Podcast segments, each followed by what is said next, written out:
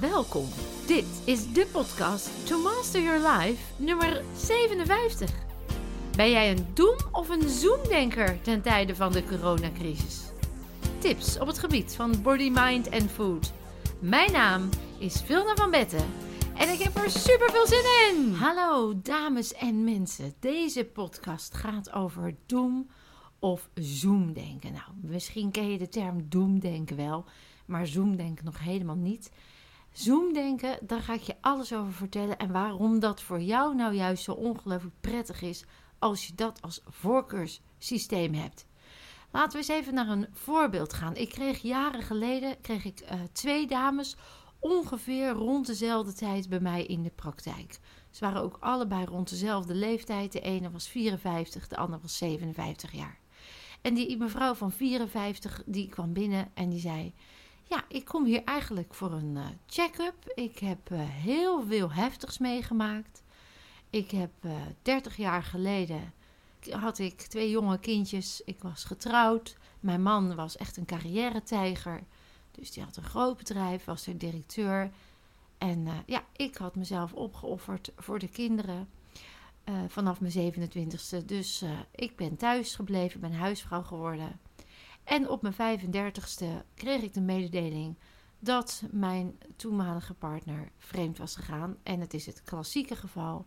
Het was echt zijn secretaresse. Ze zegt: Mijn wereld stortte in. Ik heb me bedroefd gevoeld, alleen gelaten, verraden. Ik ben er allemaal doorheen gegaan. Ik heb ze allemaal aanvaard. En het alleruitdagendste vond ik nog dat ik geen opleiding had gehad. Ik had mijn carrière opzij gezet. En daar stond ik dan met twee jonge kinderen ineens op straat. Nou ja, zegt ze, ik heb dat eigenlijk aangegrepen. Ik ben in de avonduren een uh, secretaresseopleiding gaan doen. Ik ben vervolgens parttime gaan werken. En ik heb mijn carrière helemaal opgekrikt tot manager. Maar, zegt ze, nou komt het mooiste verhaal. Terwijl ik dus aan het werk ben als secretaresse, overkomt mij wat mijn man toen is overkomen. Want als ik terugkijk, hadden we eigenlijk al helemaal niet meer zo'n fijne relatie. We haalden al helemaal niet meer het beste in elkaar naar boven. We waren al helemaal niet meer gepassioneerd. Maar goed, we hadden twee kindjes, dus we gingen door. Ik was helemaal niet bewust van wat je kon hebben in een relatie. En ik ontmoet daar de directeur van het bedrijf waar ik kom te werken. En ik word verliefd. Maar deze meneer was ook getrouwd en had ook kindjes. Dus ja, dat was op dat moment een heel complexe situatie. Alleen, ik, uh, ja, we hebben het zodanig aangepakt. Ik ben ermee uh, aan de slag gegaan. Ik heb het benoemd. Hij heeft het benoemd. We hebben het met zijn toenmalige partner benoemd. En in hele goede vrede en harmonie zijn we uiteindelijk uh, bij elkaar gekomen. Is hij eerst gescheiden. hebben we het heel langzaam opgebouwd. De kinderen. We zijn nu echt één grote gezellige familie. En inmiddels ben ik manager van het bedrijf. Uh, hebben we samen nog een ander bedrijf daarnaast. Dus ik kom hier eigenlijk om weer eens even de balans op te maken. En te kijken hoe ik nog meer uit mijn leven kan halen. Ik vond dat een echt een heel mooi en inspirerend verhaal. Omdat het mij aangeeft dat je dus dat ook gewoon kan. Dat wat er ook gebeurt, dat dat bij het leven kan horen. Dat het leven niet vaststaat of dat het op een bepaalde manier hoort. Maar dat het gewoon gaat en komt. En dat je daarnaar kan handelen, herkennen erkennen en ernaar handelen. Dus zij was daar een prachtig voorbeeld van. Maar ik vertelde ook over die andere mevrouw. En zij zei dus, uh, die eerste mevrouw zei dus, dankzij mijn ex sta ik nu waar ik sta. Dus ze was dankbaar. Die andere vrouw, die van 57, die kwam ongeveer in diezelfde periode. Met eigenlijk exact hetzelfde beginverhaal. Zij zegt, nou, ik voel me gewoon uh, hartstikke kloten. Want uh, toen ik jong was, ben ik getrouwd. Deze man was uh, carrièregericht, was directeur van een groot bedrijf. Ik had inmiddels drie kindjes. Ik was alleen thuis, ik was huisvrouw en ik had mijn eigen leven opgeofferd voor de kinderen. Nou, zegt ze, en doodleuk, tien jaar later komt hij met de mededeling dat hij verliefd is op zijn secretaresse en dat hij daarmee gaat samenwonen. En hij laat mij zitten. Nou, zegt ze, ik ben nu twintig uh, jaar verder. En ik heb er nog steeds last van. Ik ben in de uitkering geraakt. Ik heb niet kunnen werken omdat ik de kinderen moest opvoeden. Ik heb uh, niks meer uit mijn leven gehad. We zijn in een vechtscheiding geraakt. Hij heeft me aan alle kanten verraden. Ik ben een gekwetste ziel en het leven is kut. En daarvoor ben ik hier. En zij zei, dankzij mijn ex. Dus allebei zeiden ze, dankzij mijn ex voel ik me nu zoals ik me nu voel. En daar gaat doem en zoomdenken over. Je hebt vanaf je geboorte, leer je patronen aan. Heb je een soort expansiedrift. En wil je dat wat je meemaakt, dat gebruik je als ervaring en wil je daar zoveel mogelijk uithalen om te groeien. En stel je maar voor, als je als heel klein babytje gaat leren kruipen en gaat leren lopen, dan ontdek je de wereld, je gaat het aan vol vertrouwen. Je wil uh, voelen, je wil ruiken, je wil proeven, je zet al je zintuigen in. Je valt, je staat op, omdat dat de groei bevordert. Eigenlijk zo rond de vijf, vierde, vijfde, als onze wereld wat verbreed wordt, we gaan naar school wat vaker, dan uh, zien we ook de afkeuring, de afwijzing. Zien we ook hoe anderen het doen. Monkey see, monkey do. Uh, en we nemen dan ook dingen aan van anderen over jezelf, die misschien niet waar zijn, maar die het makkelijk maken dat als je dat gelooft, dat je dan een makkelijker leven hebt. Omdat je dan je sociaal aanpast en je dan meer aandacht krijgt. Of omdat het dan veiliger is. En dat zijn copingstrategieën. Daar hebben we al eens een podcast over gemaakt.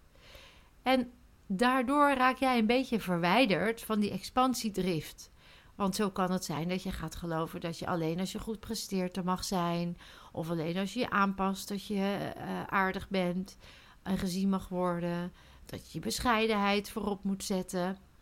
En die blauwdruk die dan er overheen komt, die zorgt er eigenlijk voor dat jij ook een bepaalde manier van omgaan met tegenslag ontwikkelt. Van omgaan met crisis.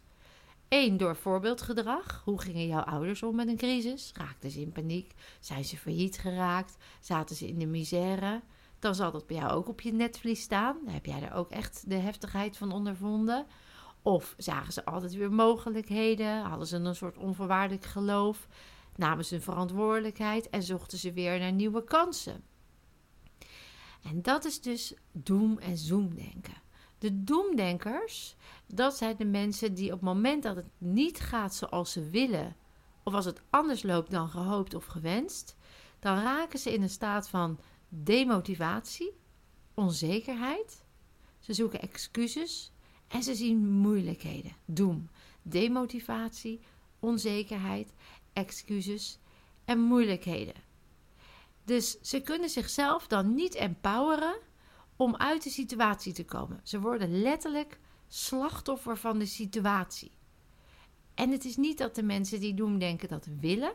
Dat komt dus voort uit imprints van jaren ervoor. Voorbeeldgedrag, maar ook wat er tegen je is gezegd en hoe jij nu over jezelf denkt. Doemdenkers zijn ook mensen die niet een basisveiligheid ervaren of zich niet altijd zelfverzekerd genoeg voelen of vertrouwen hebben in zichzelf en de ander. En dan is natuurlijk een makkelijke route om het op te geven of om het te vermijden. Dat is een copingstrategie.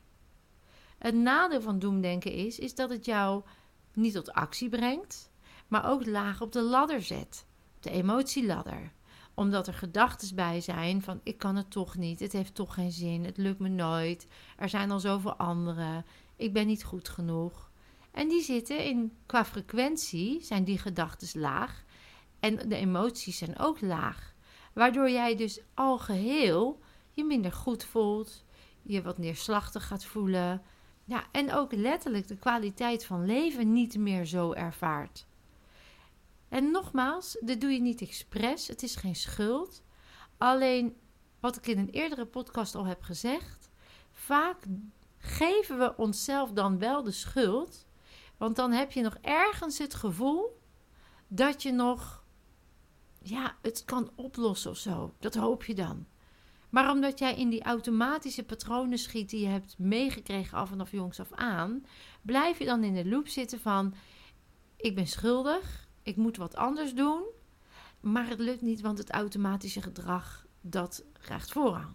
De tweede dame, dat was dus duidelijk een doemdenker. En zij was een doemdenker geworden, misschien al vanuit de eerste imprints. Maar ook door het ongelofelijke, onterechte trauma wat haar was aangedaan, haar freeze, over het feit dat ze na zoveel inspanning en zo haar best gedaan te hebben in die relatie waar ze zat, voor de kinderen zorgen, zichzelf opofferen, haar eigen carrière opzij zetten. En hij steekt als het ware met een mes in de rug door totaal onverwacht te zeggen: Ik ben verliefd op een ander en ik laat je in de steek. Uh, je zoekt het maar uit. Dat was voor haar zo'n diepe, diepe afwijzing. Ze is zo gekwetst dat haar hele zelfbeeld, haar hele zelfvertrouwen, haar hele zelfredzaamheid als een kaartenhuis in elkaar stortte. En ja, in die lage energie die ze toen heeft meegemaakt, ze heeft het wel herkend, niet erkend en er ook niet naar kunnen handelen. Ja, heeft dat ertoe geleid dat ze neerslachtigheid en depressiviteit is gaan ontwikkelen. Dat haar kinderen zich daardoor van haar verwijderd hebben.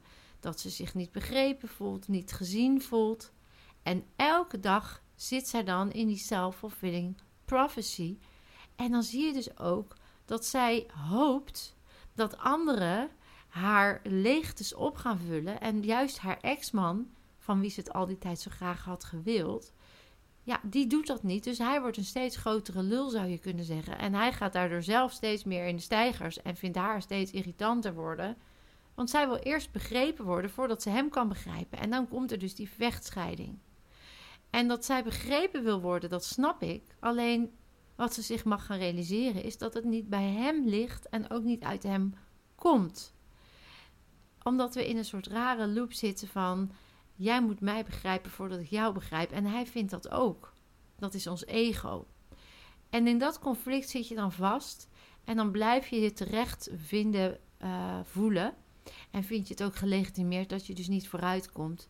En dan maak je jezelf onbewust slachtoffer. En dan kom je dus ook letterlijk niet verder. Omdat je zo laag op de ladder zit, kom je niet in je stroom van leven, in je natuurlijke energy flow. Zie je de dingen niet die als kansen voorbij komen. En ja, wordt het eigenlijk van de regen in de drup uh, steeds minder fijn. Dus dat doemdenken doorbreken, dat zou heel fijn zijn. En dan ga ik jullie straks tips over geven hoe je dat kan doen. Dan even naar de eerdere mevrouw van 54 die je ja, echt kan noemen dat ze wel een zoomdenker is. Nou, wat is dan een zoomdenker?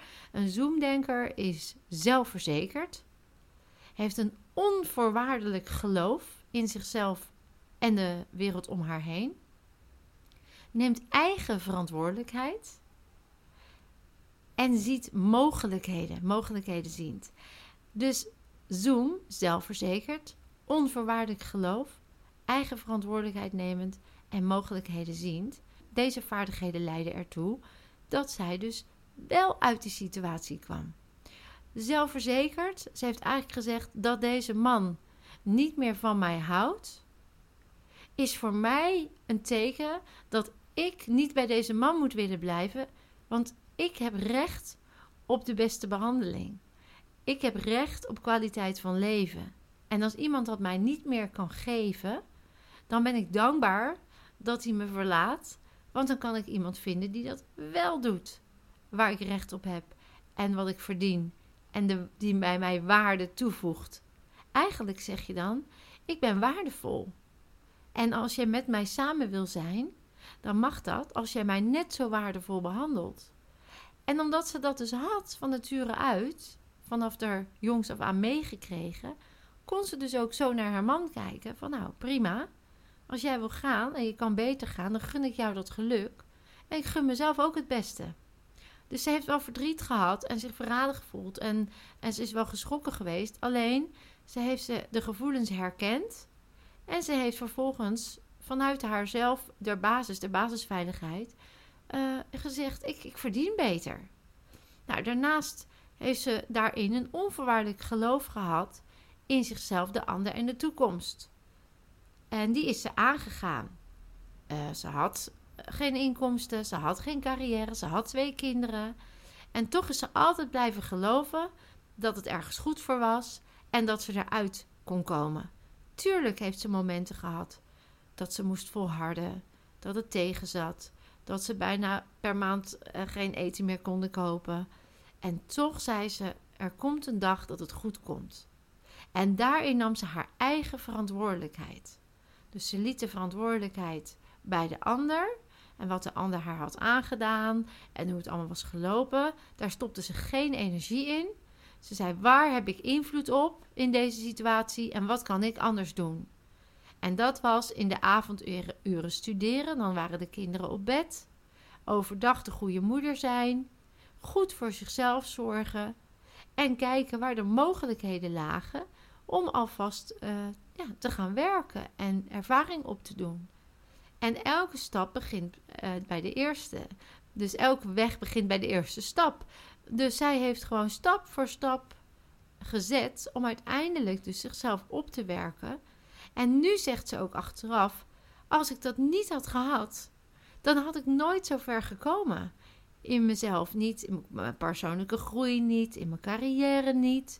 Dus juist dankzij het feit dat hij opzij ging, wegging, kon ik een deel van mezelf ontplooien die anders nooit naar voren was gekomen en wat nu mijn levensgeluk enorm heeft vergroot.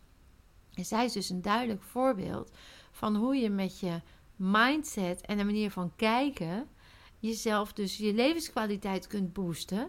En energetisch gezien had zij dus allemaal gedachten als ik heb het nog nooit gedaan, dus het gaat me zeker lukken. Ik hou van mezelf. Ik ben het waard om hiervoor te gaan. Ik geloof dat ik het kan. Ik gun mijn kinderen een goede toekomst. Ik gun mezelf een goede toekomst. En dat zijn allemaal gedachten van love and above. Dus hoog op de emotieladder. Waardoor haar energiestroom ook die, uh, dat uitstraalde. En ze dus ook de juiste mensen tegenkwam. En ze dus ook haar kansen zag. En resoneerde met de dingen die voor haar goed waren. En nu zegt ze: Ik had het natuurlijk niet anders gewild. En zo kun je iets wat je meemaakt in je leven gebruiken om sterker van te worden. En ik gebruik dan dus altijd de termen doem of zoomdenken. Nou, dat doemdenken, dat gaf ik al aan, dat ontstaat natuurlijk vaak door je imprints en ervaringen die je hebt meegemaakt. Deze vrouw had natuurlijk een hele heftige ervaring en dat heeft ze toen niet kunnen verwerken. En daardoor leeft ze nu nog steeds in, die, uh, in dat bewustzijn, terwijl ze eigenlijk in het nu, ja, is het helemaal niet aan de hand. Die man is gewoon verder gegaan met zijn leven, die kinderen zijn opgegroeid. Het is nu helemaal niet meer de situatie, maar in haar systeem, in haar celgeheugen, in haar hoofd, leeft ze nog steeds in het verleden. Dus wat ik met haar toen heb gedaan, is ik heb allereerst haar tijdlijn van haar leven opnieuw georiënteerd of opnieuw neergezet. Zij leefde dus letterlijk nog daar. Ze was eigenlijk niet verder ontwikkeld. Dus we hebben haar weer op het juiste plekje gezet op de tijdlijn. Letterlijk, fysiek. Dus stel je maar voor dat je een tijdlijn hebt. En hoe loopt die dan? Je moet je voorstellen, je denkt bijvoorbeeld aan je kleutertijd. En stel dat je dat op een grote lange streep zou moeten zetten van links naar rechts. Zou die dan aan de linkerkant staan of aan de rechterkant, die herinnering? Nou, voor, voor rechtshandige mensen Ehm, is het verleden vaak links. En voor linkshandige mensen kan dat omgedraaid zijn. Maar het kan ook zijn dat je zegt van nou, mijn tijdlijn loopt helemaal schuin omhoog. Of mijn tijdlijn dwars door me heen. Uh, het heden, dat ben jij dan zelf. Hè? Links het verleden, rechts de toekomst. En je kan natuurlijk zeggen, ja, ik, ik sta dus ook in het verleden. Dan kun je dus letterlijk visualiseren dat jij je tijdlijn weer op de juiste plek schuift en jij weer op de juiste plek gaat staan. Dat is een, een oefening uh, uit de timeline-therapie. Eh, die, uh, ja, die kun je dus gewoon uh, verschuiven. Energetisch, visualiseren. Um, of hem zelfs ook letterlijk fysiek lopen op de vloer. Letterlijk de stap maken. Of hem tekenen en dan jezelf op de juiste plek zetten. Het is ook belangrijk dat als je goed vooruit wil kijken, dat je bijvoorbeeld je tijdlijn dan op hooghoogte neerzet en uh, dat je goed het kan overzien. Nou, dat heb ik natuurlijk bij haar als allereerste gedaan, want zij stond verkeerd op de tijdlijn. En toen ben ik met de Body and Mind Reset technieken gaan uh, oplossen waar bij haar dus haar freezes zaten, waardoor zij is gaan doemdenken. Nou, die man was natuurlijk niet de eerste freeze. Ze had daarvoor als jong meisje heel vaak situaties meegemaakt waarin ze dus slachtoffer was van de situatie, waarin ze niet anders kon dan opgeven. En door dan naar zo'n allereerste herinnering te gaan, en dat kun je zelf ook doen. Er staat een hele mooie meditatie op mijn website. Eh, het verleden oplossen, het verleden loslaten. Die neemt jou mee over die tijdlijn naar dat allereerste moment. En dan kun je daar uh, drie stappen volgen. Dat erkennen, herkennen en ernaar handelen. Dus je komt terug naar zo'n situatie. En als je niet de allereerste keer weet, vertrouw er maar op dat welke je ook neemt, het in je celgeheugen al een beweging in gang zet. Dus als jij zegt, nou ik weet wel van mijn ex-man, maar ik weet niet van tijd daarvoor. Nou, begin dan bij die situatie met je ex-man. Of met een situatie die recent is gebeurd. En ga daar even weer helemaal in. Kijk even naar de kleuren. Kijk even of het groot of klein is. Of er gedachten bij zijn. Wat je daar gelooft over jezelf. Waarschijnlijk, ik ben niet goed genoeg. Wat je gelooft over die ander. Waarschijnlijk van, nou, hij doet me dit aan. Of hij handelt onterecht. En voel maar, als dat dan over die situatie gaat, maar het kan elke situatie zijn. En voel maar waar je dat dan voelt in je lichaam. En welke emotie dat dan is. Is het dan een gradatie of een variatie op bang, of boos, of bedroefd, of eenzaam, of machteloos? En voel maar even waar je dat dan voelt in je lichaam. Voelt dat als een brok in je keel, of een steek in je hart, of een steen in je maag? Want dan is daar waarschijnlijk waar de blokkade zich heeft gemanifesteerd. Dus je hoeft niet eens zozeer helemaal in de situatie en te hard op te zeggen wat je hebt meegemaakt, maar meer hoe beleef je hem nu? Hoe heb je hem opgeslagen als je er nu in terugzakt? Nou, en als je dan eenmaal helemaal daarin bent, dan, dan herken je het dus. Dan ga je het erkennen. Dan ga je de lessen eruit halen. Dus je gaat echt even kijken van wat, wat zou de reden geweest kunnen zijn dat ik dat moest meemaken? Zijn er lessen uit te halen die mij voor de rest van mijn leven kunnen helpen en die ik toen nog niet kon zien, maar met de kennis en de kunde die ik nu heb, zou kunnen zien. Dus wat als mijn kind dit zou hebben meegemaakt, wat zou ik dan als mentor tegen mijn kind zeggen? Van joh, je hebt het meegemaakt, maar dat valt eruit te leren. Kijk eens of het je lukt om jouw lessen eruit te halen. Alsof je als, met een mentor ernaast naar kijkt en jouw mentor zegt: Ja, maar dat moest je leren. En dus stap helemaal in het moment en laat die mentor kijken. Je kan dat opschrijven, ook de lessen. Je kan ook uitschrijven wat je ziet. En dan vervolgens daar nog een paar dagen opnieuw naar kijken als je het nu nog niet meteen ziet. Maar er zitten lessen in. En de reden dat we daar zo naar kijken, dat er lessen in zitten, is om die erkenning, die aanvaarding te stimuleren die zo nodig is om het weer te ontladen, om het weer vrij te krijgen daar. Dus het is altijd voordelig om er lessen uit te halen. En als je dan de lessen hebt gezien, je hebt ze opgeschreven, of je hebt ze, eh, je hebt ze, ineens, je hebt ze inzichtelijk, dan is het heel belangrijk, en dat is de volgende stap van erkenning en, uh, er, en het los te kunnen laten, is dat je jezelf als die jongere jij vergeeft dat het je toen is overkomen. Dat je gewoon op dat moment niet anders kon dan wat je toen deed. Dat je niet beter wist, dat je nog misschien niet voor jezelf kon opkomen. Of dat je nog niet zo omgevingsbewust was. Of dat je gewoon te klein was. Of te, niet sterk genoeg, fysiek of mentaal, om er anders mee om te gaan. En dat dat niet fout is, maar dat dat inherent was aan jouw ontwikkelmodel, aan de tijdsgeest, aan de situatie, aan de omstandigheden.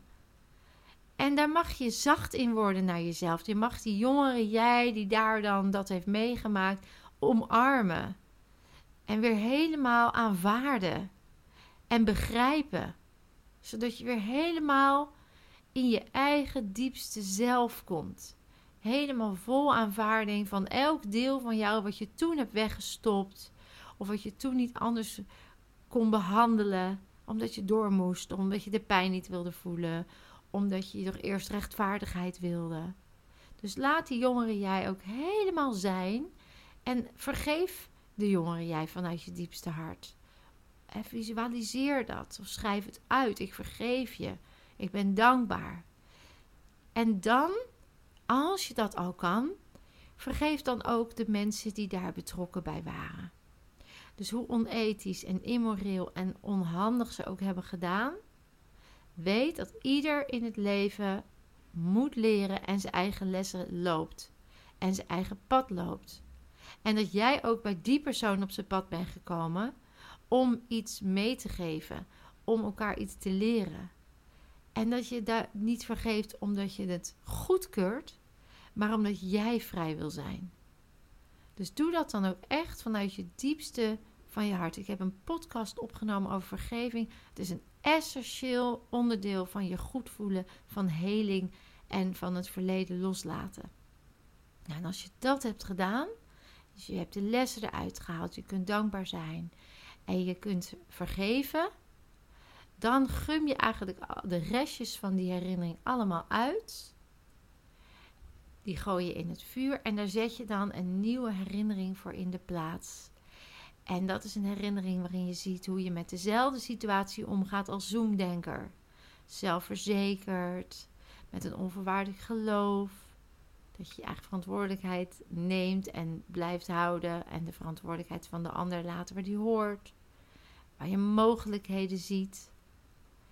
En zet je houding dan ook in een stand die daarbij hoort. Hè? Met je borst vooruit, je tieten vooruit, kont naar achter, rug recht, schouders laag, kin op, mondhoeken omhoog. Dat is een power pose die bewerkstelligt daadwerkelijk neurochemische stoffen die zorgen dat jij die kracht ervaart.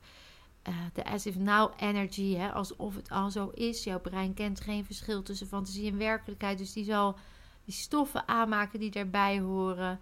Je energiestroom gaat omhoog. Je komt in een nieuwe state of mind. En ga dan die tijdlijn weer de toekomst in. Dus je hebt zeg maar samen met die jongeren, jij ben je samengesmolten. Je bent weer dankbaar. Je hebt de lessen bij je. Je ziet het nieuwe beeld voor je. En daarmee loop je dan de toekomst weer in naar het heden.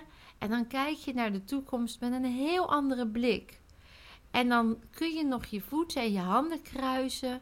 En dan ga je met je ogen heen en weer van boven, links boven naar rechtsboven. En dan zeg je hardop welke affirmaties, welke positieve bekrachtigende zinnen helpen bij dit gevoel en om zoomdenker te blijven. Dus ik ben vol zelfvertrouwen. Ik heb een onvoorwaardelijk geloof.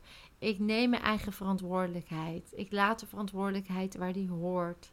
Ik zie mogelijkheden. Ik ben waardevol. Ik mag vallen. Er is geen falen, alleen groei. Er zijn heel veel gratis affirmaties te downloaden op mijn website. Waar je dat kan inslijten en waar je dat mee kan bekrachtigen. En uh, zolang je eerst ook dat verleden lekker opruimt, zullen die affirmaties nog sneller inslijten, omdat je vrij bent en je eigenlijk weer nieuwe input krijgt. En dan zul je zien dat je ook jij van misschien wel altijd doemdenkerig te zijn geweest in onzekere situaties of situaties waar je gekwetst werd of die teleurstellend waren, je nu ineens ook kan zoomdenken. En of het nou om een coronacrisis gaat of om welke crisis dan ook in je leven. Als jij de zoomdenktechniek kan inzetten, dan zul je altijd sterker eruit komen. En dat wilde ik jullie meegeven in deze podcast. Wil je nou meer weten? Op mijn site staat een gratis e-book Gezondere Leefstijl. Er zijn podcasts te beluisteren. Je kunt uh, meditaties doen, wat ik je echt zou adviseren met binaural beats die jouw energie hoog houden en jou sterker maken. Er zijn, is een online training waar je laagdrempelig al met allemaal technieken over hoe energie werkt en hoe je brein werkt en hoe je dat kunt upgraden en hoe je daarmee om kan gaan, mee aan de slag kan gaan. Waar je ook persoonlijk in begeleid wordt middels een uh, besloten Facebookgroep. Er is natuurlijk een live masterdag. Als de events strakjes weer door mogen gaan, dan zullen we dat natuurlijk doen binnen de maatregelen die er zijn. Maar dan kun je echt gewoon komen. Of een lekker weekend voor je pure ik. Of een live masterweek. Waardoor jij echt verantwoordelijkheid neemt om je in ieder geval waar je invloed hebt, je gelukkiger, gezonder te voelen. Ik hoop dat je hiermee geïnspireerd bent tot het zijn van de Zoomdenken. Reacties en opmerkingen, vragen, successen, je kunt ze altijd even naar me mailen. In ieder geval wil ik je weer ongelooflijk bedanken voor het luisteren. En je weet het, je kunt meer dan je denkt.